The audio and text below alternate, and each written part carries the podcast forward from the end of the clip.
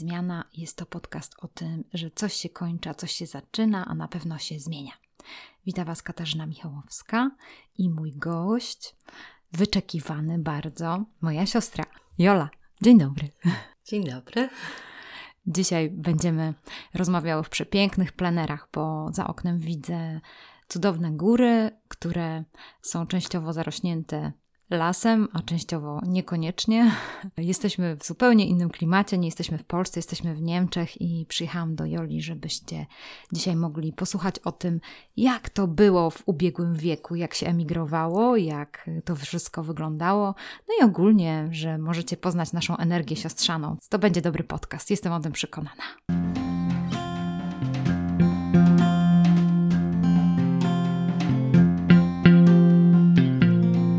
Zaczynamy. Zaczynamy.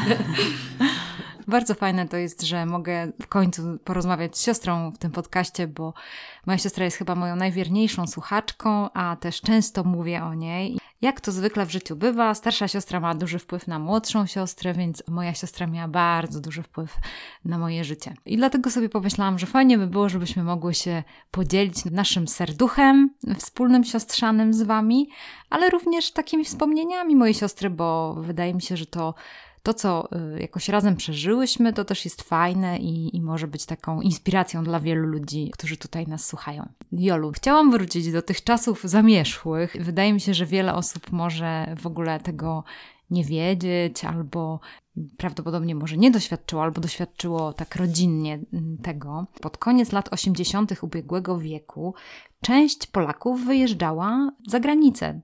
No i też między innymi ty właśnie zdecydowałaś się, żeby z rodziną wyemigrować. Jak to wyglądało? Czy możesz sobie w ogóle to przypomnieć? Czy to było już tak dawno, że nic nie pamiętasz? Oczywiście pamiętam i czasami próbuję zapomnieć, ale zawsze to wraca. Miałam wtedy 27 lat, dwoje takich małych dzieci. Mój mąż bardzo, bardzo chciał wyjechać do Niemiec, ponieważ jego rodzina tam była też. Ja nie bardzo chciałam ale dałam się przekonać, okej, okay, myślę sobie, pojedziemy, zobaczymy, spróbujemy. Okazało się, że to nie jest tak wcale łatwo, bo jeżeli już się zrobi taki krok, to później jest bardzo trudno zrobić go do tyłu. Jak przyjechaliśmy do Niemiec, dzieci musiały iść od razu do szkoły, ja musiałam iść na szprachkurs. Czyli mąż, na lekcję języka niemieckiego. Tak, e, mąż poszedł do pracy i zaczęło się kółko kręcić i dalej się kręcić. W pewnym momencie po prostu człowiek zobaczył, że jest ciężko wrócić Wy nie przyjechaliście do Niemiec jako uchodźcy, jako azylanci, tylko przyjechaliście z powodu tego, że twój mąż miał niemieckie pochodzenie. I właśnie fajnie by było, żebyśmy przybliżyły też tą historię bardzo ciekawą jego ojca, bo wydaje mi się, że to też nie jest znana historia osoby, która mieszkała jakiś czas w Olsztynie, też była z Marią Dziętarą-Malewską zaangażowana w walkę o polskość i jakbyś mogła to przypomnieć, to by było bardzo fajne. I taka ciekawa historia dosyć wokół tego. To y, historia historia mojego teścia.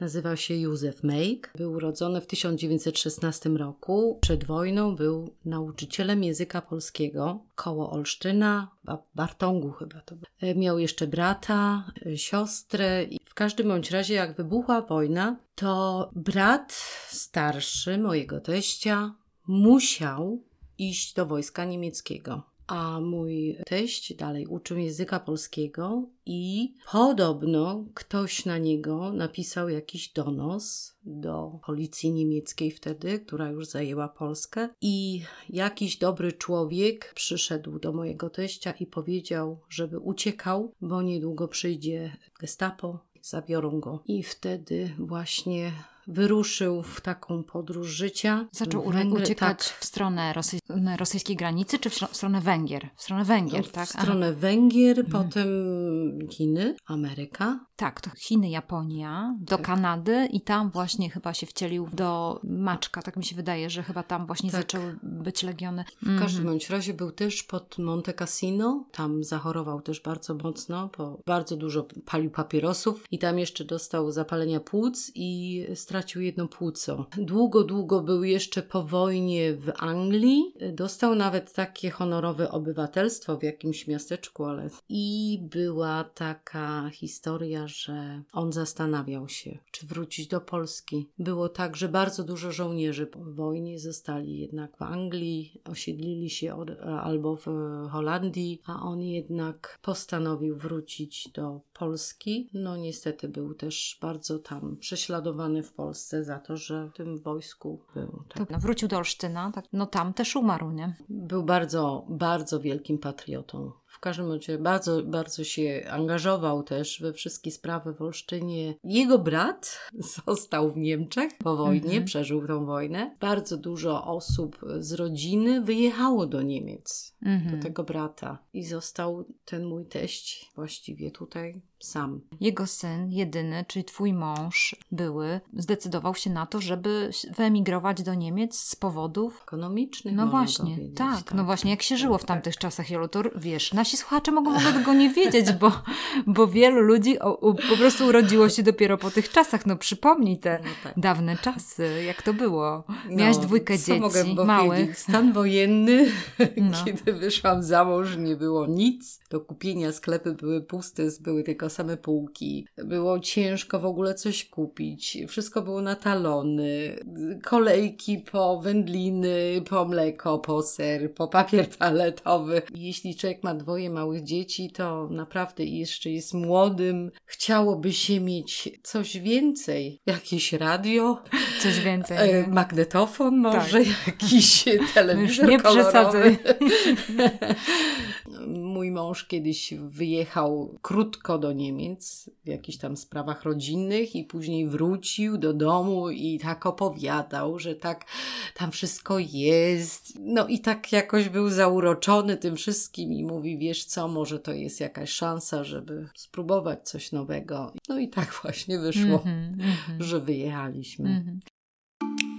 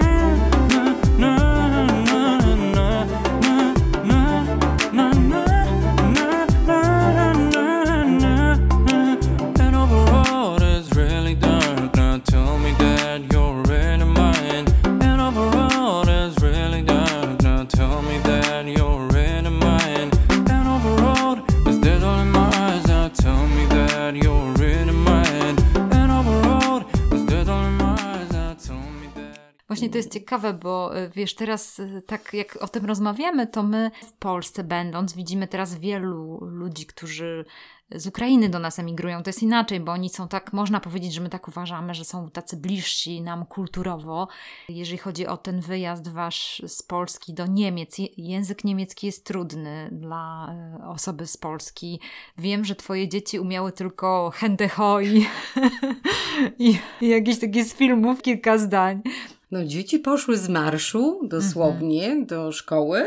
Wróciły po pierwszym dniu szkoły i mówi: Och, mamo, ale było fajnie, nic nie rozumiałem. Ale było bardzo miło, bo wszyscy rodzice od tych innych dzieci, jak się dowiedzieli, że są e, dzieci z Polski, od razu bardzo się zainteresowali i zapraszali ich na różne urodziny i na wycieczki.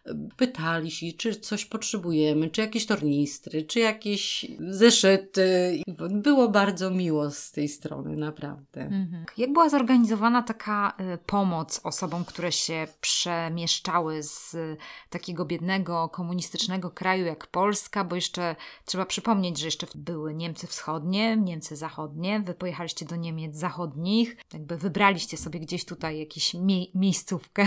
Jak... To był przypadek. To był przypadek, dokładnie, że tutaj y, trafiliście do tego pięknego miejsca, które się nazywa Sauerland. Jak wspomagało państwo was? Jak wspomagał, wspomagał was rząd, jeżeli chodzi o to, żeby się osadzić tutaj, w tym miejscu? To było akurat te czasy, kiedy bardzo dużo Polaków wyruszyło do Niemiec. To znaczy mój mąż miał rodzinę w Botrop i my chcieliśmy bardzo tam pojechać do nich, bo oni mówili, że takie ładne miasto i tam dużo pracy jest i tak dalej i są jakieś możliwości, ale to miasto już było pełne i powiedzieli nam, że możemy wybrać sobie jakieś inne miejsce i pokazali nam na mapie, o tutaj taki jest kraj z Olpe i oni jeszcze przyjmują ludzi. No i spojrzeliśmy na tą mapę, patrzymy, że jest takie ładne jezioro i takie górki na tej mapie, no i stwierdziliśmy, że dlaczego nie, można mhm. spróbować. No, no dokładnie. Tak. To, co mówisz o tym jeziorze, to jest ważne, bo tak. E, pochodzisz z Olsztyna, które ma w ramach miasta 11 jezior. E, to jest mm. nasze miasto rodzinne i e, to jezioro to w naszym sercu gra, więc po, poszłaś za jeziorkiem. Poszłam za jeziorkiem i górki też były ładne. I przez ten przypadek, żeśmy tutaj wylądowali. A jak z językiem? Od razu zostaliśmy zapisani na szprachkurs, no ale to były wtedy lata 90., to był 1990 rok i oni byli przygotowani na ludzi z Rosji i na Polaków i dostałam od razu kurs języka niemieckiego. On trwał 9 miesięcy. Musiałam chodzić jak do pracy, czyli każdego dnia, oprócz Wochenende. I jeżeli na przykład byłam chora, to musiałam przedstawić zwolnienie lekarskie za to, że nie, nie przyszłam. Bo jeżeli miałam właśnie za to też dostawałam pieniądze mhm. miesięcznie, że uczęszczam na taki kurs i musiałam ten kurs też zakończyć jakimś egzaminem co było straszne. straszne. I później po takim kursie przeważnie ludzie szukali pracy albo też e, szli dalej się uczyć, jeżeli byli młodzi jacyś i mieli jakieś takie marzenia do spełnienia. Była jedna młoda dziewczyna, która poszła dalej na studia. Mieliśmy też jednego księdza, który potem poszedł filologia. Na filologię na filologię. Mhm. Dalej jeszcze niektóre panie spotykam nawet swoją nauczycielkę spotkałam niedawno w sklepie. No proszę bardzo, ciekawe mm. bardzo. No tak się szacuje, że w Niemczech z tej takiego um, ucieczki solidarnościowej, bo w latach 80. jeszcze też część mm. osób dostała azyl w Niemczech, część została przesiedlona, tak jak właśnie wy, że pojechaliście na na tak zwane pochodzenie, czyli z powodu tego, że. Łączenie rodzin. Łączenie rodzin, tak, chyba coś mm. takiego, łączenie rodzin, że się szacuje, że chyba to jest jedna z większych mniejszości w Niemczech, mniejszość polska, chyba jest trzecią mniejszością albo nawet drugą, bo największą mniejszością są Turcy i właśnie później chyba jest mniejszość polska, ale tak y, dokładnie nie pamiętam, ale około dwóch milionów Polaków się znajduje w mm. Niemczech. Czujesz to, że tutaj jest dużo Polaków? Bardzo mhm. dużo. To są też takie, chyba były etapy historii, kiedy ludzie wyjeżdżali, y, chyba też w 70 latach. Tak. Bo bardzo dużo osób y, mi opowiada, że a moja babcia, a moja mama, a moja ciocia, a my pochodzimy stamtąd, a nie umieją już po, niemie- po polsku w ogóle rozmawiać, ale jeszcze tam ktoś tam wie, gdzie, gdzie tam, skąd pochodzi z mhm, Polski. Mm-hmm. Bardzo dużo osób. Mm. No i właśnie tak jak mówisz, to jest też charakterystyczne, że zawsze jest pytanie, czy ten język zostanie, czy nie zostanie, czy zostanie się przez tą kulturę wciągnięty. No są pewne też dylematy i, i warto tutaj też to jakoś mm. zaznaczyć, bo może mówimy do osób, które gdzieś na przykład są na emigracji w Anglii i na przykład jak się mówi o emigrantach angielskich, to często ich życie jest takie, że nie, niekoniecznie przez wiele lat mieszkając w Anglii, nawet nie przestąpili progu prawdziwego Anglika w cudzysłowie, bo w gruncie rzeczy żyją w takiej bańce uchodźczej. Jak, jak to wyglądało u Ciebie? Czy Ty się zaasymilowałaś? jak to, czy możesz coś więcej o tym powiedzieć?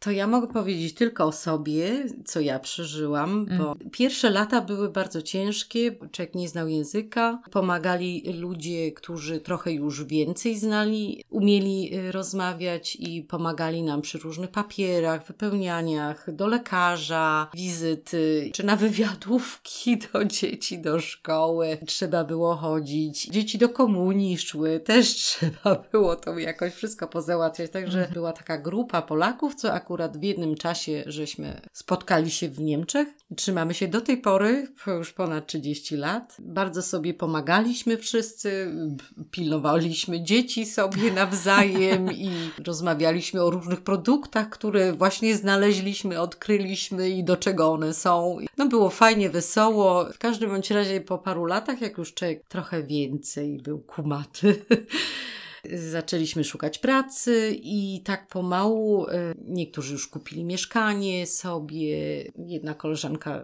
wyszła za mąż. Tak pomału żeśmy zaczęli szukać trochę innych kontaktów. Zaczęły się już takie kontakty z Niemcami. Widać, że grupa jest bardzo otwarta i śmiała i zaczęli się pojawiać na na przykład imprezach prawdziwi Niemcy, którzy z mhm. nami chcieli sobie jakoś pogadać, sobie piwko wypić albo nas zapraszali na jakieś różne festy i tak pomału, pomału, krok po kroku zaczęliśmy, każdy w swoim gronie zaczął y, budować jakieś nowe przyjaźnie. Mm, bo i też poznawać tą kulturę, prawda? Bo to tak, jednak jest Oczywiście. inne tradycje mm. trochę. Wiadomo, że też kultura i też trochę katolicka, trochę protestancka, ale jednak mm. inna trochę niż polska. Tak. No to trwało parę lat, zanim mm to mhm. tak człowiek się odważył i zaczął już rozmawiać i opowiadać o sobie. Naprawdę były bardzo bardzo miłe, mm-hmm. miłe rzeczy. A czy pamiętasz jakieś właśnie y, przejawy życzliwości, które dostałaś w tamtym czasie, które bardzo ci były pomocne? Ludzie to są ludzie. Wszędzie są ludzie jednakowi, można powiedzieć, i w Polsce, i w Niemczech, i podejrzewam, i w Chinach, i w Ameryce, i wszędzie. Jedni są życzliwi, jedni są nieżyczliwi, jedni są weseli, jedni są naburmuszeni, jedni są bardzo otwarci, drudzy trzeba trochę dłużej znać, żeby się trochę otworzyli. Powiem szczerze, że jak żeśmy wyprowadzili się do Attendorn, to naszymi sąsiadami na górze i na dole byli Niemcy. Ta przyjaźń mhm. trwa jeszcze do dzisiaj. To jest to, coś znaczy. Może nawet tak być czasami, że człowiek się gdzieś wprowadzi i nawet swoich sąsiadów nie zna mm. dobrze, a to jest fajne, że, że ta przyjaźń przetrwała.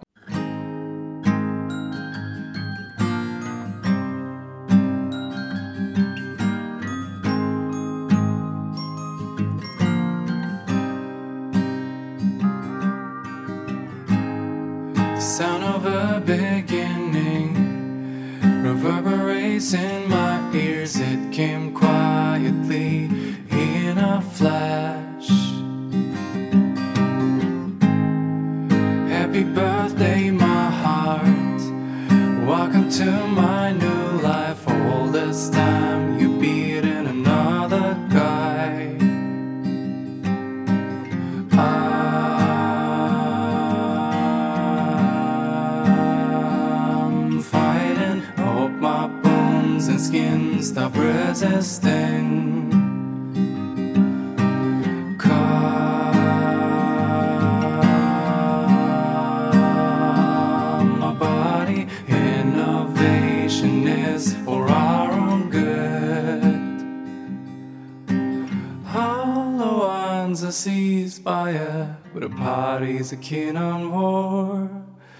The defense mechanism is so strong. tak jak Cię obserwuję, to wydaje mi się, że też takim fajnym momentem w Twoim życiu było zdecydowanie się na pasję, bo zaczęłaś śpiewać w chórze. I to wydaje mi się, że to też był taki jakiś y, kamień milowy na Twojej drodze, że, że to dużo zmieniło, dużo dodało do Twojego życia. To znaczy, może to było najpierw to, że ja y, bardzo lubię gadać. Starałam się zawsze, zawsze, żeby egal jak umiem, to znaczy chciałam zawsze coś powiedzieć mm -hmm, i z kimś coś porozmawiać, kogoś posłuchać, co opowiada. Dlatego moja ta ciekawość taka doprowadziła do tego, że zaczęłam też czytać książki po niemiecku. dziecięce najpierw, potem trochę już było dalej i dalej już, e, bo nie miałam też dostępu do polskich książek wtedy. Przecież nie mogłam nigdzie kupić tu w Niemczech polskich Mhm. książek i dlatego zaczęłam czytać po niemiecku. I to mi pozwoliło też trochę Język rozwinąć. mój język rozwinąć, tak, niemiecki i zaczęłam być bardziej odważna i y, też bardzo dużo rozmawiałam i przez to zaczęły się właśnie takie przyjaźnie i, i wtedy też postanowiłam, że już dzieci były już prawie dorosłe, 18 chyba i 17, no coś chcesz zrobić, no i tak e, odważyłam się pójść do nowego chóru kobiecego, który się właśnie utworzył i, i tak się zaczęła moja kariera. Dokładnie, W tak. chórze, która już trwa 21 lat. No Tak. właśnie, to jest y, niesamowity chór. Powiedz coś o dyrygentce. Kim jest pani dyrygentka? Pani dyrygentka. No. Pani dyrygentka jest z Rosji, która też tutaj e, poznała pana i wyszła za mąż, wzięła nasz chór e, jako dyrygentka i daje nam w kość. no właśnie, tak, tak. Daje wam w kość, wymyśla nowe piosenki, daje wyzwania. Tak. No to jest ciekawe, bo wasz chór naprawdę wiele, wiele y, lat rozwija się ciągle i ciągle macie nowe wyzwania i no, w nowe miejsca jeździcie, to też jest fajne, bo was obserwuję, więc fajnie. no tak, mamy już nawet dwa CD nagrane. Kariera.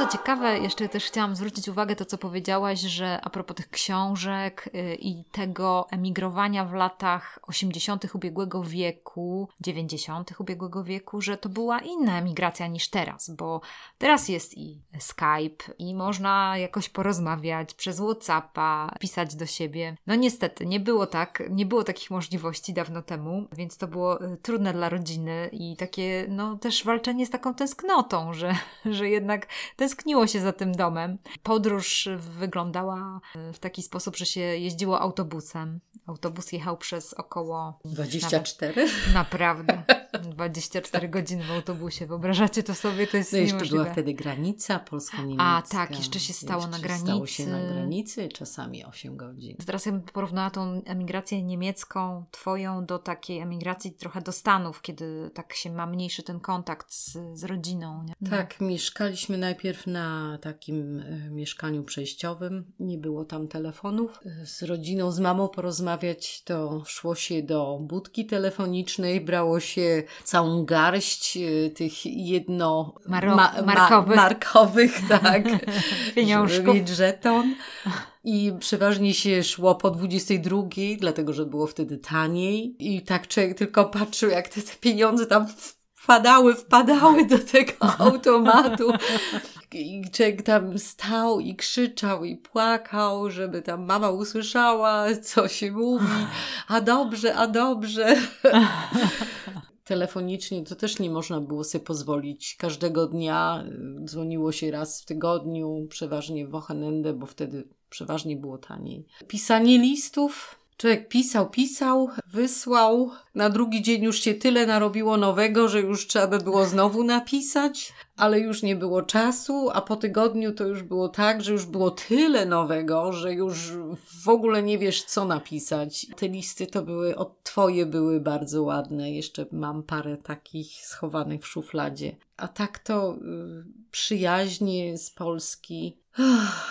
Ciężko pisać. To znaczy, y, dziewczyny nie bardzo lubią pisać. Tak człowiek miał takie wrażenie, że te wszystkie przyjaźnie polskie się gdzieś tam rozpadają Mhm, po mhm. drodze, bez takiego kontaktu. I trochę tak to boli, bo to miałam takie przyjaźnie w Polsce i z pracy koleżanki i ze szkoły jeszcze. I to tak za każdym rokiem było coraz tak mniej i mniej i mniej i w tej chwili to chyba mam jedną taką dobrą Przyjaciółka. przyjaciółkę, Mhm. która jest w Polsce, a tak to... Mhm. W każdym razie w tej chwili mam więcej tutaj. Dokładnie, Niż- tak. niż tak. tam. To wszystko, Jolu, zależy od tego, no jeżeli ktoś w ogóle zastanawia się nad taką emigracją czy wyjazdem z Polski, dużo ludzi mówi o tym, dużo słyszymy o tym, że wiele osób się zastanawia nad tym, że koniec, zostawiam Polskę, wyjeżdżam za granicę. Jednak wydaje mi się, że trzeba, ja zawsze to tak mówię na stacji zmiana, że jednak na te wartości swoje spojrzeć, bo jednak wydaje mi się, że z powodu tego, że twoje wartości to jest rodzina, bardzo wysoko, przyjaciele i znajomości, no przyjaźń to jest coś wysokiego. Mieć ciebie za przyjaciółkę to jest wielki przywilej, moim zdaniem Dziękuję. bo mam e, w tobie najlepszą przyjaciółkę. W każdym razie to, to jest właśnie wtedy boli bardzo. Jeżeli, jeżeli na przykład ktoś nie ma wysoko tych wartości, że, że rodzina no to jest tam gdzieś na którymś miejscu wartości, to na pewno by lżej przechodził tego typu y, zmiany życiowe. Wydaje mi się, że ta zmiana twoja, ona była taka trudna też z powodu tych twoich wartości, że, że widziałaś, że relacje rodzinne, że one się rozluźniają, że te przyjaźnie się rozluźniają i tobie było smutno z tego powodu. Chociaż z drugiej strony, tak jak mówisz, też już tutaj wrosłaś w to miejsce i widać, że masz bardzo dużo tutaj przyjaźni i, i takich relacji, które no, są takie trwałe raczej, nie? Że, że wydaje mi Mm, się, że, że bardzo. tutaj jest fajnych ludzi wokół masz siebie, nie? Każdego roku tak e, bardzo bolało. Nawet to, że jak dzwoniłaś do mnie i mówiłaś, o, byłam na pogrzebie, bo zmarł jakiś tam wujek i cała rodzina się zeszła, a ci się postarzeli, a ci mają dzieci, a ci mają jeszcze coś, i, a tam ci się przeprowadzili i tak te opowiadania, a tu w sercu tak kłuje i kłuje i tak boli. Och, niestety, są takie momenty, kiedy człowiek na przykład rozmawia z mamą i źle się czuje, ma jakieś tam bóle, a ja wiem, że jestem tysiąc ileś kilometrów od niej i nie mogę jej nic pomóc. Chyba najgorszym takim momentem dla mnie było, że jak byłam w Polsce na urlopie, to moja ulubiona babcia była wtedy w szpitalu.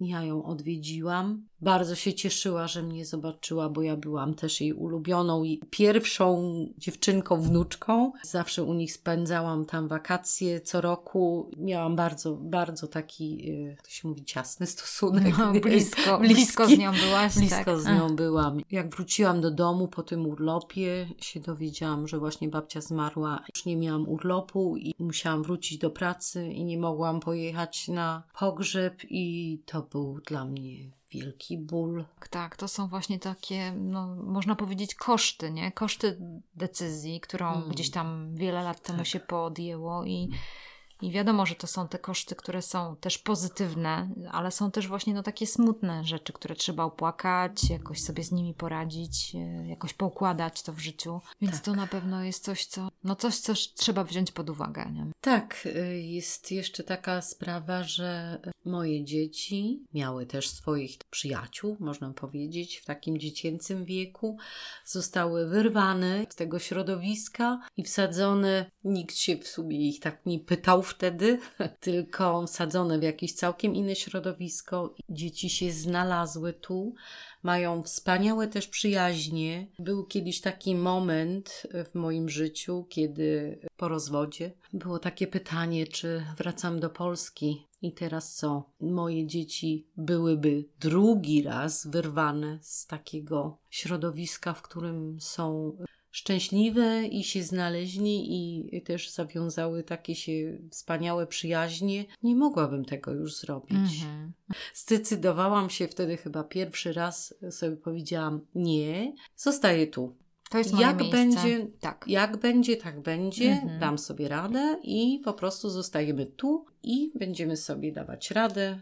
Mhm. Będziemy sobie żyć tutaj, w Mhm. naszej nowej Mhm. ojczyźnie i nie będziemy się oglądać do tyłu. To była dobra decyzja. Mhm, no właśnie, to jest prawda, że chyba jest coś takiego, bo, bo tak jak mówisz, to, to ta pierwsza decyzja, no to jednak byliście razem i tak jak mówisz, że za zachętą męża poszłaś, czyli taka byłaś sceptyczna. 10. Minęło 10 lat i po 10 latach był rozwód i wtedy po prostu y, taka decyzja, że no masz albo wyjście takie, że jedziesz do Polski, dzieci zostają w Niemczech i wtedy no, tracisz te dzieci, albo po prostu y, zachęcasz je do tego, żeby się przeprowadzić, na nowo wszystko zaczynać w Polsce. nie? I zdecydowałaś się, żeby zostać w Niemczech. Tak, Mhm.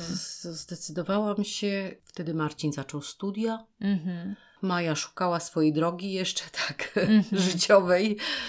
Miała różne tam, jak to się mówi, turbulencje. I y, nie mogła wtedy wrócić. I co, ich zostawić, a ich wziąć ze sobą też nie. I po Mhm. prostu tak sobie tu ży- żyliśmy przez parę lat, aż spotkałam swojego drugiego męża. I jakby to się powiedzieć, życie odwróciło się jako na dobrą kartę. Mhm. Zaczęło się moje drugie szczęśliwe życie. No tak. Które trwa teraz dziesiąty rok, prawda? Nie, no 15 lat się znam. 15 lat już się znacie. No, ja myślałam, że 10 lat, a to 15. No 10 jestem mężatką. 15 lat, no takiego dobrego życia tutaj teraz za tobą.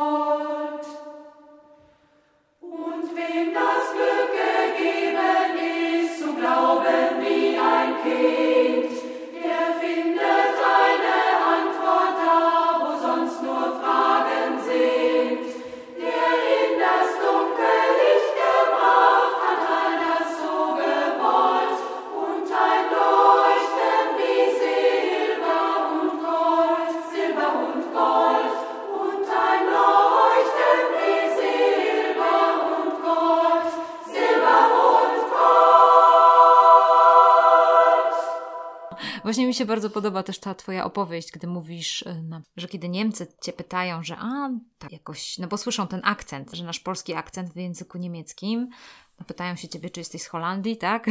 Zazwyczaj. I właśnie to mi się bardzo podoba, jak zawsze mówisz, kiedy Niemcy się otwierają. Hmm. Ty mówisz coś takiego, że no, że ja jestem z Polski, ale że wybrałam, że to jest moje miejsce, ja już Tak.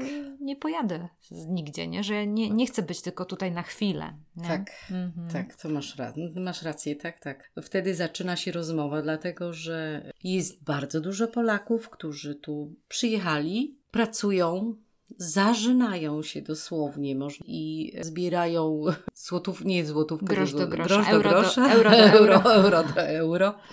i wszystko pakują tam. To nie jest tak miło widziane przez Mhm. Niemców. Wtedy oni się po prostu odsuwają od żadnego życia towarzyskiego, nie idą razem ze wszystkimi kolegami z pracy jeść albo na jakiś festyn i wtedy, kiedy jest, że jeden stawia piwo, drugi stawia piwo, Mhm. jedna kolejka i druga kolejka i tak dalej, bo to wtedy wszyscy żałują pieniędzy, Mhm. a tu jest tak, jak już tu je- jestem i zdecydowałam się, że tu będę żyć. To znaczy, że korzystam tego. Pracuję ciężko, ale korzystam z tych pieniędzy. I idę do kina, idę do teatru, idę na koncert, idę do restauracji coś zjeść, idę na jakiś festyn, żeby sobie z ludźmi postać, pogadać, wypić piwko, pośmiać się. Korzystam ze wszystkiego, tak jak każdy tutaj inny, który też właśnie pracuje, płaci podatki, a nie to po prostu, że pracuję, pracuję, chowam do kieszeni i zabieram gdzieś tam. Mhm. Jest takie powiedzenie, że pieniądz jest y, wspaniałym niewolnikiem, ale ukrutnym panem. W sensie takim, że jeżeli jesteś y, tak, że tylko ten pieniądz się liczy, no to właściwie jesteś w takiej niewoli, więc wtedy nie żyjesz. A, Nie a to, co powiedziałaś, no to to jest po prostu życie, nie? Ży- Życie w wolności finansowej, w sensie takim, że no nawet jeżeli by było tak, że masz, nie wiem, za ileś tam lat wrócić, nie wiem, do Polski czy cokolwiek, jakoś życie się twoje zmieni, ale i tak nie wiesz, co będzie, nie?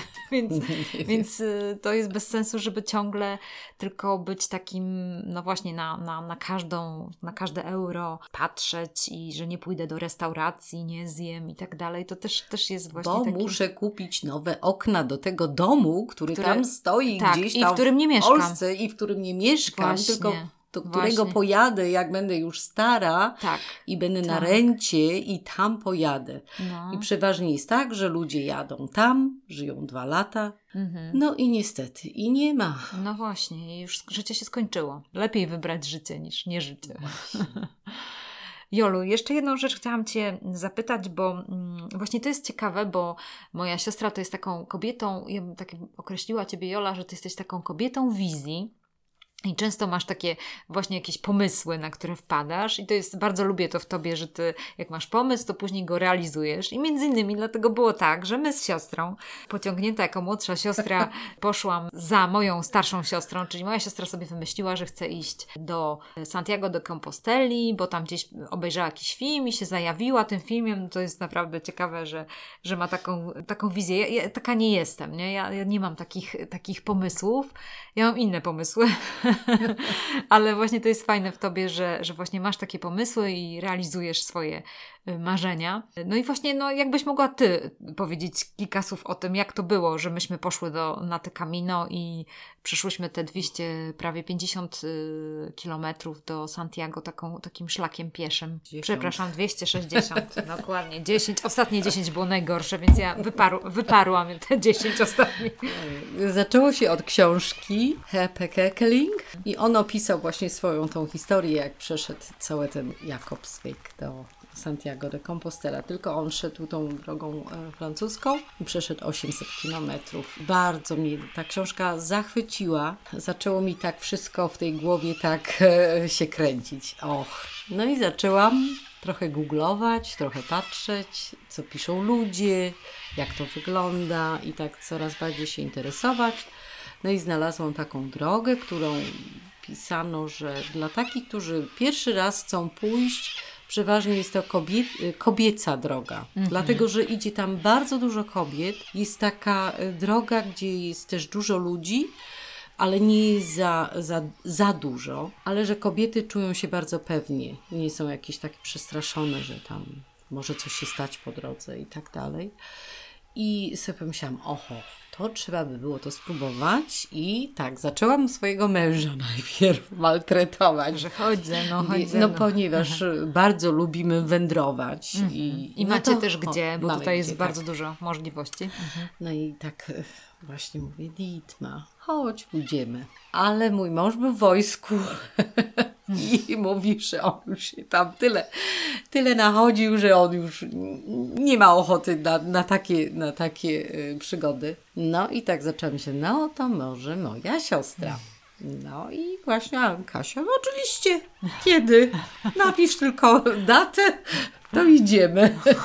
O, prawda? to wiem, teraz mogę to nazwać, No. że ja jestem entuzjastką, w sensie takim, że tak, chcę, ale później jak już idę, to narzekam.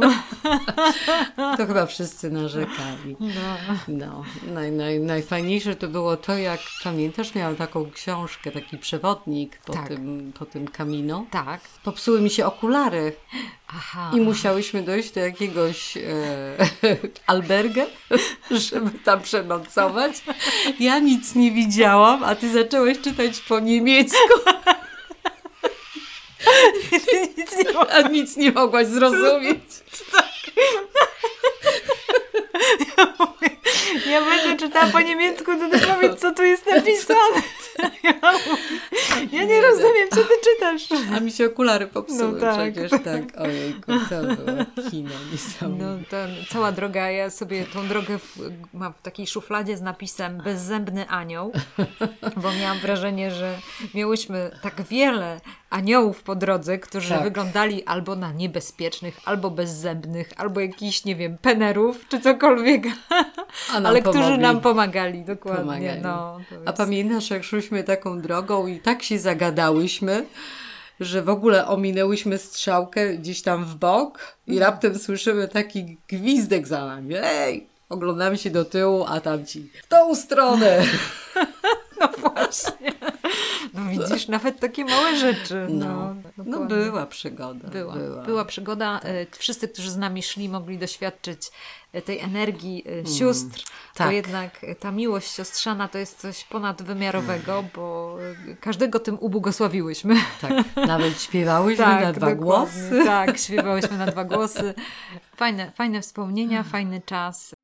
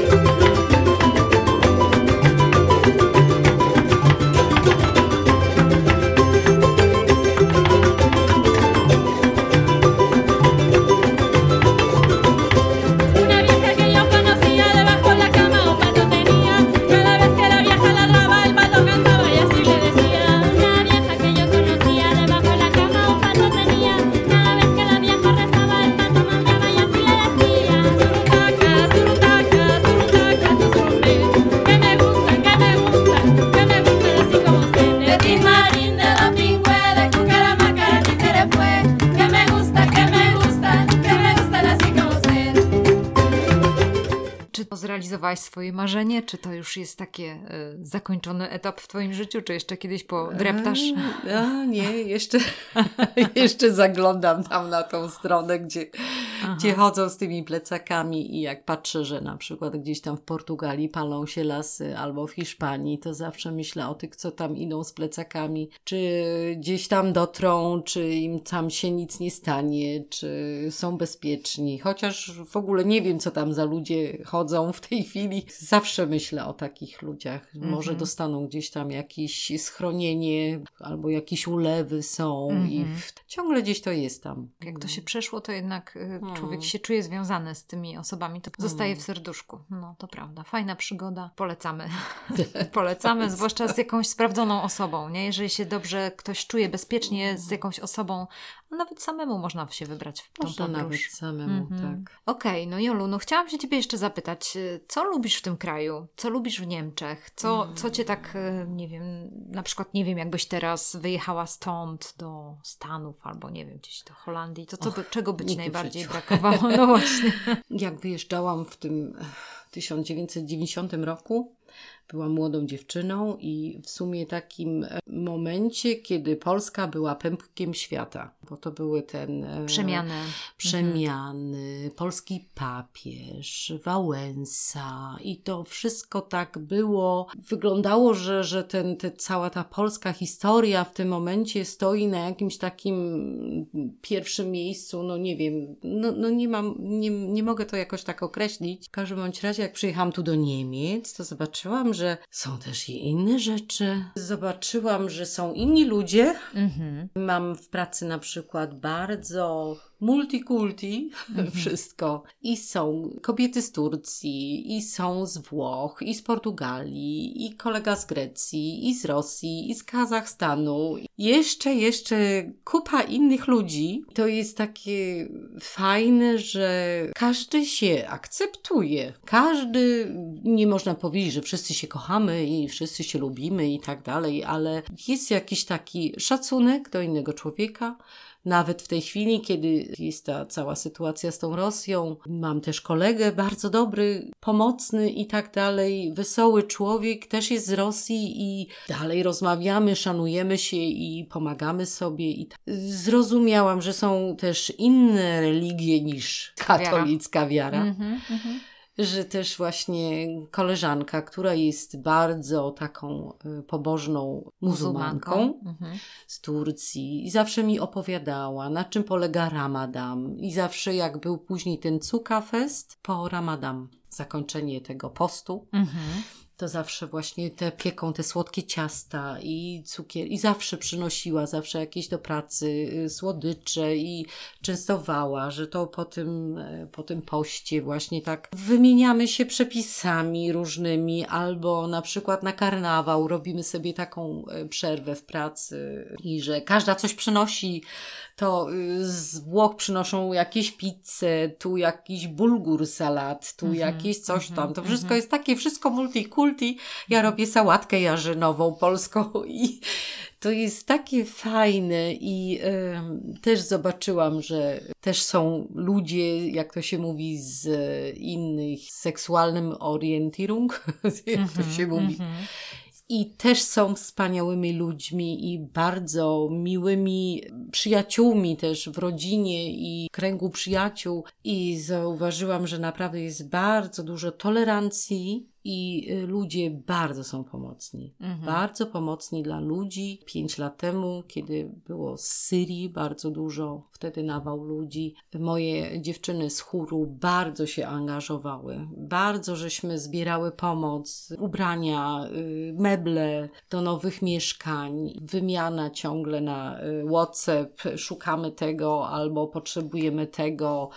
Nie było o pieniądze, tylko chodziło o jakieś rzeczy, że na przykład jest rodzina, która ma dzieci w takim, takim wieku, czy ktoś może jakieś spodnie, czy jakieś tornistry i to wszystko się zbierało. Bardzo też e, moja Tatiana, moja dyrygentka z chóru, ona bardzo się angażuje też w, w taki... e, Pomoc kobietom w Pom- pomóc wypadku. kobietom. Tak, w To wypadku jest przemocy. tak jak, e, Mhm. że kobieta w nocy bierze dziecko pod pachę, dokumenty i wychodzi z domu. I nie może do niego wrócić. I wtedy są takie domy, gdzie ona tam się zgłasza, i wtedy jest anonimowo w ciągu kilku godzin przeprowadzana do jakiegoś mieszkania. Nie ma nic. Wtedy właśnie jest organizowana taka pomoc, bo wtedy na przykład jest, że potrzebuje do kuchni talerze, łyżki, pościel i tak dalej. I każda z nas coś tam zbiera i y, od razu przynosi, żeby, żeby kobieta mogła zacząć normalne życie Mhm. bez przemocy.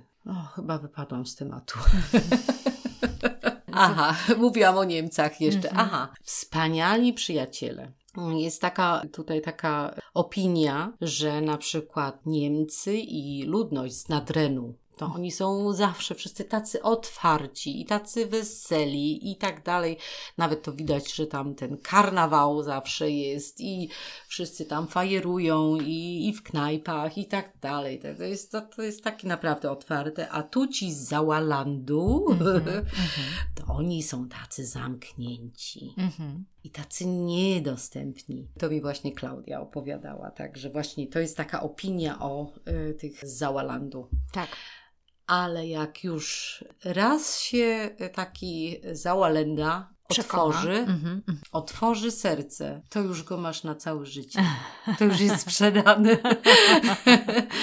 I właśnie tutaj, jak wyszłam za mąż, mąż wprowadził mnie do takiego właśnie tutaj swojego towarzystwa, którzy mnie naprawdę bardzo dobrze przyjęli i wiem, że to ci ludzie to już będą do końca życia Mhm. moimi przyjaciółmi. Jest naprawdę No i też twój wspaniałe. mąż będzie już y, zawsze z tobą, bo już otworzył tw- swoje serce, to już, to już będzie zawsze razem. No właśnie, to jest.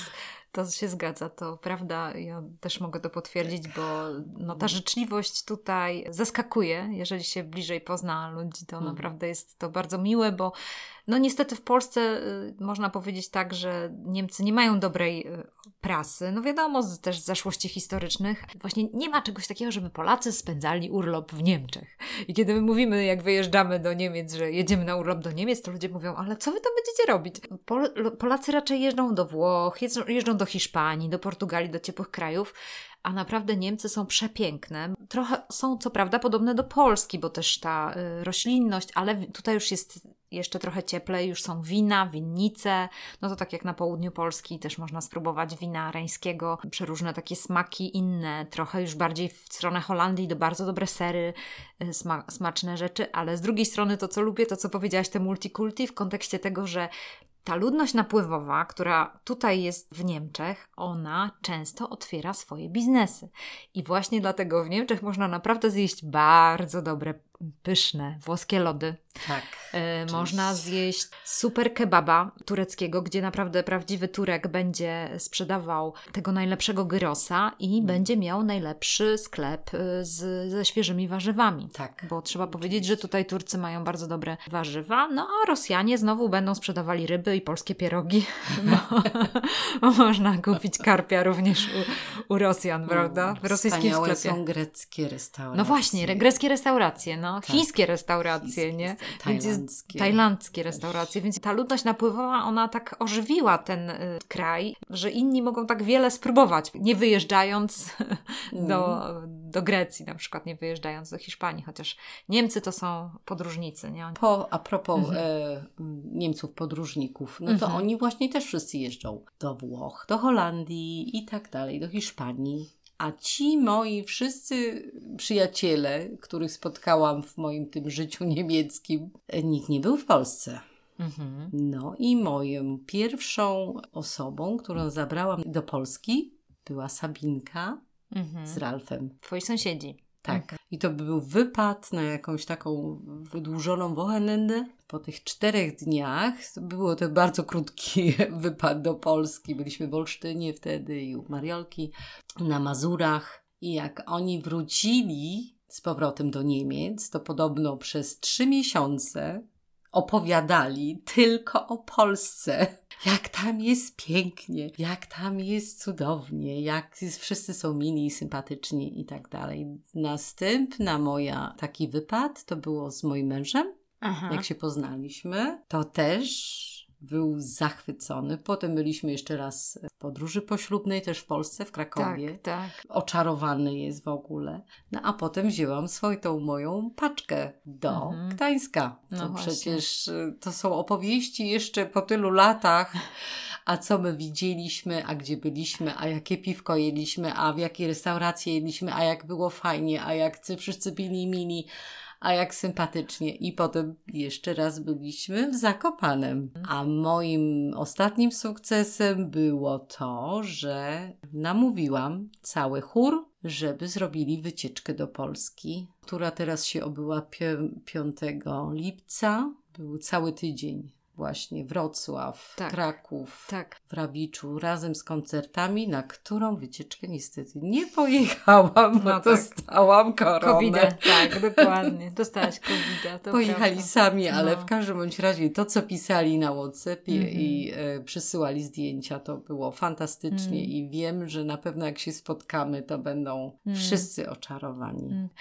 No i widzisz, to jest ciekawe bardzo, bo to pokazuje, że wejście w pewną kulturę i zasymilowanie się, co nastąpiło u ciebie, to po prostu było też, jest takim obdarowaniem ty, tych ludzi, którzy sto, są wokół ciebie, bo ty przez to, że oni ci ufają i też możesz zaprosić ich do swojej kultury i to też może ubogacić e, ich samych. To jest fajne.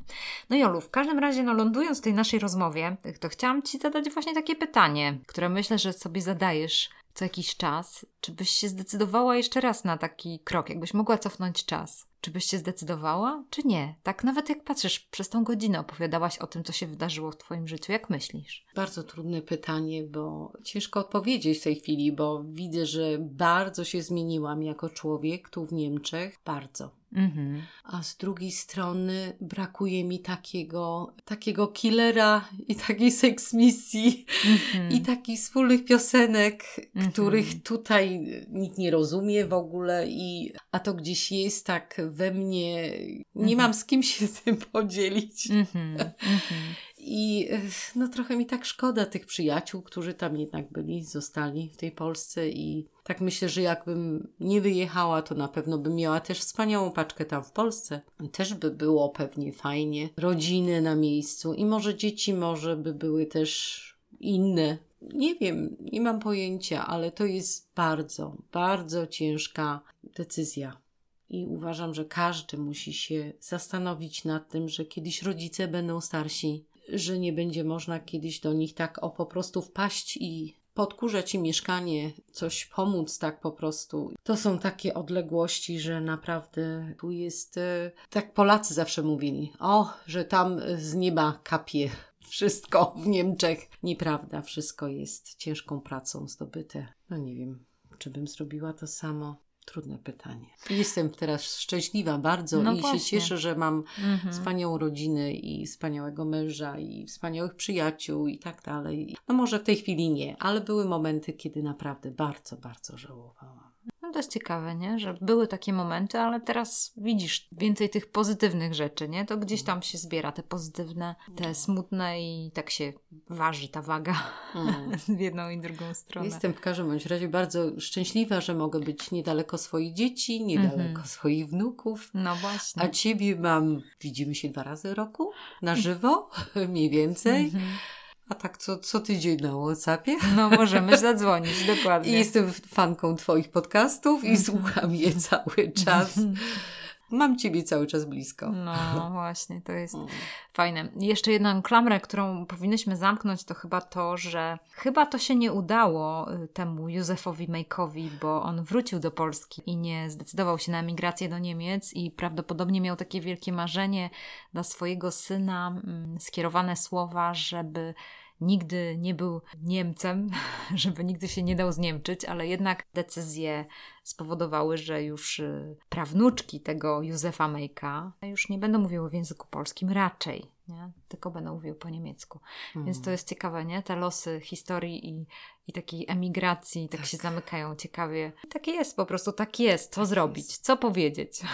Jest jak jest. No właśnie, możemy powiedzieć, że jest jak jest. Okej, słuchajcie, no mam nadzieję, że przekazałyśmy Wam trochę mm, siostrzanej miłości, siostrzanego życia i siostrzanych y, przejścia przez różne lepsze lub gorsze chwile.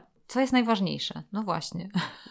Co jest najważniejsze? No, jakby tak sobie myśleć, co dla nas jest najważniejsze.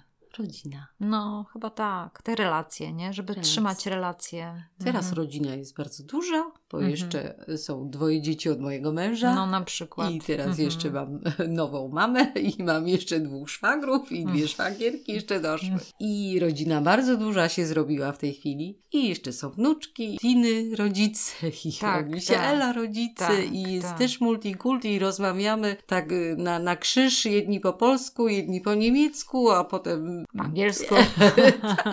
ty teraz po angielsku. tak. I tak wszyscy się rozumiemy i wszyscy się kochamy i wszyscy się lubimy. Mhm, to jest bardzo fajne. Mhm, No, zgadza się. Mm. Więc chyba faktycznie to jest jednak coś takiego, żeby no, wychodzić do, do ludzi, wychodzić, otwierać się. To jest y, taka przejrzystość i wychodzenie to jest naprawdę y, Tak. dobra rzecz.